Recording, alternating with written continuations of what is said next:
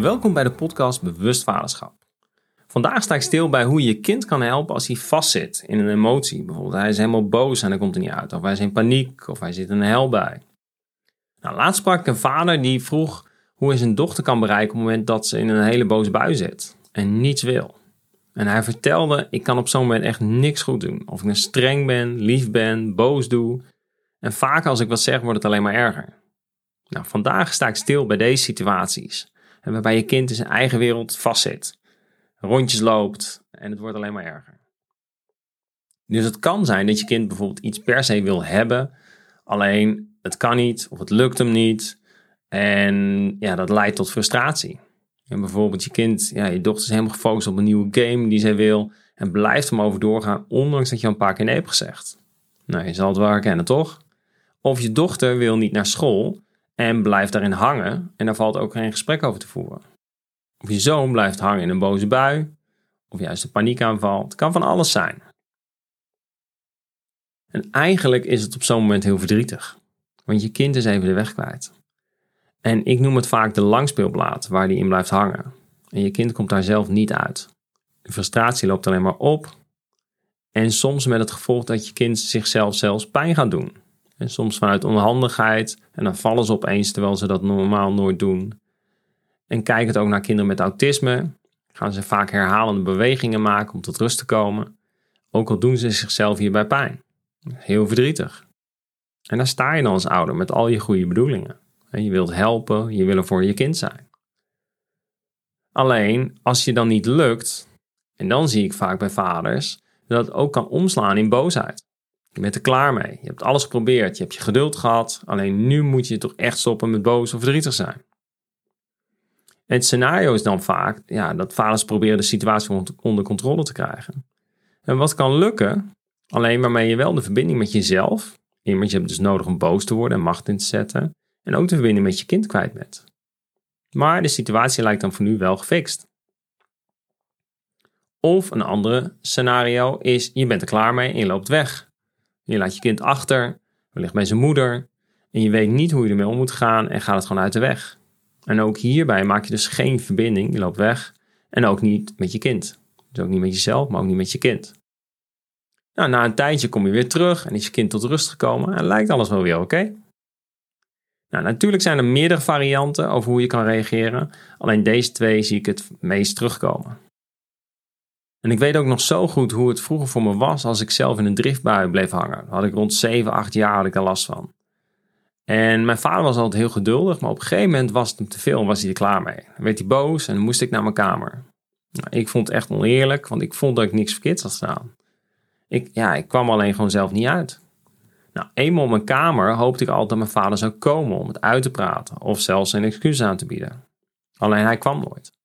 Dus uiteindelijk ging ik naar beneden en dat leverde dan vaak een awkward situatie op, waarbij we nog een heel tijdje niks tegen elkaar zeiden en uiteindelijk gingen we dan weer praten. En we spraken dus nooit uit met elkaar, waardoor dus het patroon bleef bestaan en gaandeweg de periodes van stilte alleen maar langer werden. Nou, het maakt me nog verdrietig als ik het opschrijf en als ik erover vertel. Eh, want ik heb een heel lief vader. Alleen het lukt hem niet. Hij zat in zijn onmacht. En dat is meteen de essentie van deze podcast. Het is de onmacht in jou die maakt dat je uiteindelijk gedrag in gaat zetten waar jij en je kind niet blij van worden. En het is belangrijk om dat eerst te onderkennen. En sommige vaders hebben dat nog niet helder en gaan op macht of op ratio zitten. Die gaan het helemaal uitleggen rationeel. Andere vaders hebben dit wel helder, alleen vinden ze nog lastig om wat je ermee moet doen. Onmacht is eigenlijk niks anders dan een call to action. Het is een signaal dat je mag verbeteren wat je nu doet. Dus je opvoedskills mag je gaan verbeteren. En dat kan je bijvoorbeeld doen door een podcast te luisteren. Zoals jij nu doet. Hartstikke goed. Of dat je een cursus gaat volgen. Of vaderschap. Of coaching gaat volgen. Wat het ook is. En het kan zijn, en dat is de tweede stap, is dat je criteria moet wijzigen. En hiermee bedoel ik dat je regels misschien te streng of te moeilijk zijn voor je kind of voor jezelf om aan te voldoen. Dus één is dat je mag verbeteren. Twee is dat je kijkt naar je regels die je nu hanteert. En bijvoorbeeld, als je kind nooit een fout mag maken, of niet lang boos mag zijn, omdat jij dat niet kan handelen, of dat je regels aan jezelf oplegt, dat jij nooit boos mag worden op je kind, beide zijn niet realistisch. Dus het is heel belangrijk om je regels aan te passen. Nou, ik geef sommige vaders wel eens de opdracht om juist boos te worden. boosheid is een emotie en die mag er zijn. Het is alleen wel belangrijk dat je verantwoordelijkheid neemt voor de emotie en het niet afreageert op de buitenwereld, op je kinderen. Een van de voordelen is als je je gevoel laat zien, dus ook je boosheid, is dat je binnenkomt bij je kinderen. Wellicht herken je situatie dat je voorheen in herhaling blijft en niet doorkomt. En als je dan boos wordt, dat je wel binnenkomt. Nou, dat is een van die voordelen daarvan. En je leert dus ook je kinderen om hun emoties te uiten.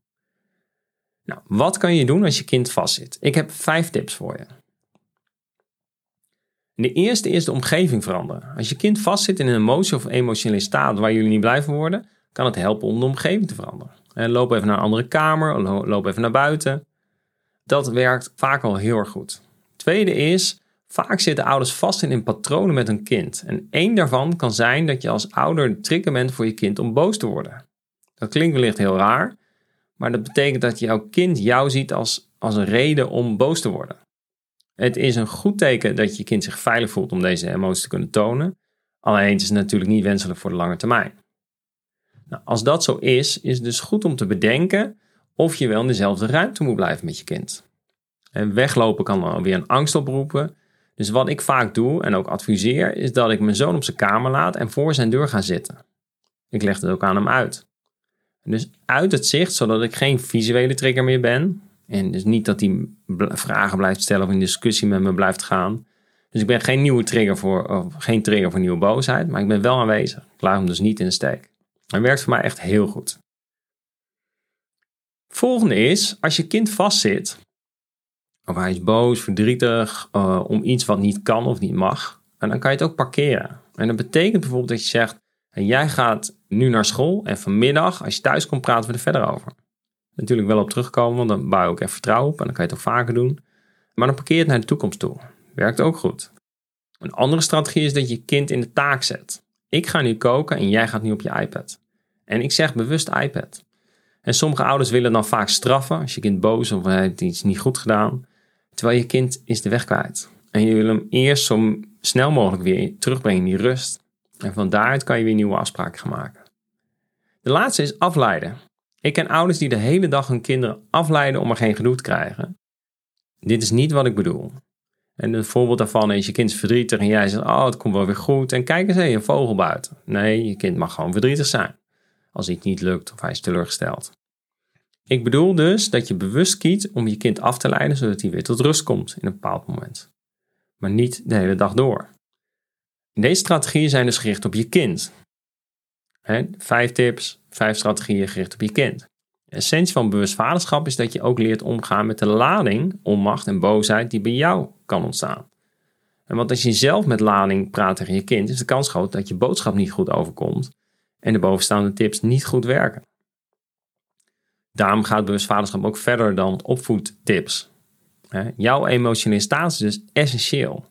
Dus toen ik dit weekend op de ladder stond om de kamer van mijn jongste zoon te verven, ik druk ervaarde om alles maar af te krijgen van het weekend. En volgens mijn zoon, zijn boosheid over van zijn vriendje op mij ging afreageren, uh, begon er bij mij te borrelen. En moet ik dus ook oppassen dat ik niet om, afreageer. Nou, de volgende wat je ook kan helpen op zo'n moment, wat mij heel erg heeft geholpen, is dat je zelf goede vragen stelt. Is het nu bijvoorbeeld echt nodig dat ik op de ladder sta en ga toespreken? En sommige ouders spreken hun kinderen toe en dat doen ze niet eens omdat ze het zelf willen, maar omdat de buitenwereld ziet. Als een kind boos is, dat ze dan vinden dat ze er iets van moeten zeggen. Uh, andere vraag die je zelf kan stellen, is dit de meest gezonde oplossing die ik nu kan bedenken? En het belangrijkste is, welke uitkomst wil ik? En het hielp me ook met om samen te gaan verven. Nou, dat ging nog niet helemaal soepel. En ik moest mezelf dus constant zeggen: Oké, wil ik een mooie muur of een mooie ervaring met mijn zoon? En dat hielp enorm, kan ik je verklappen. Nou, ik hoop dat je hiermee handvaten hebt om beter om te gaan met boosheid of een emotie van je kind, welke dat ook is.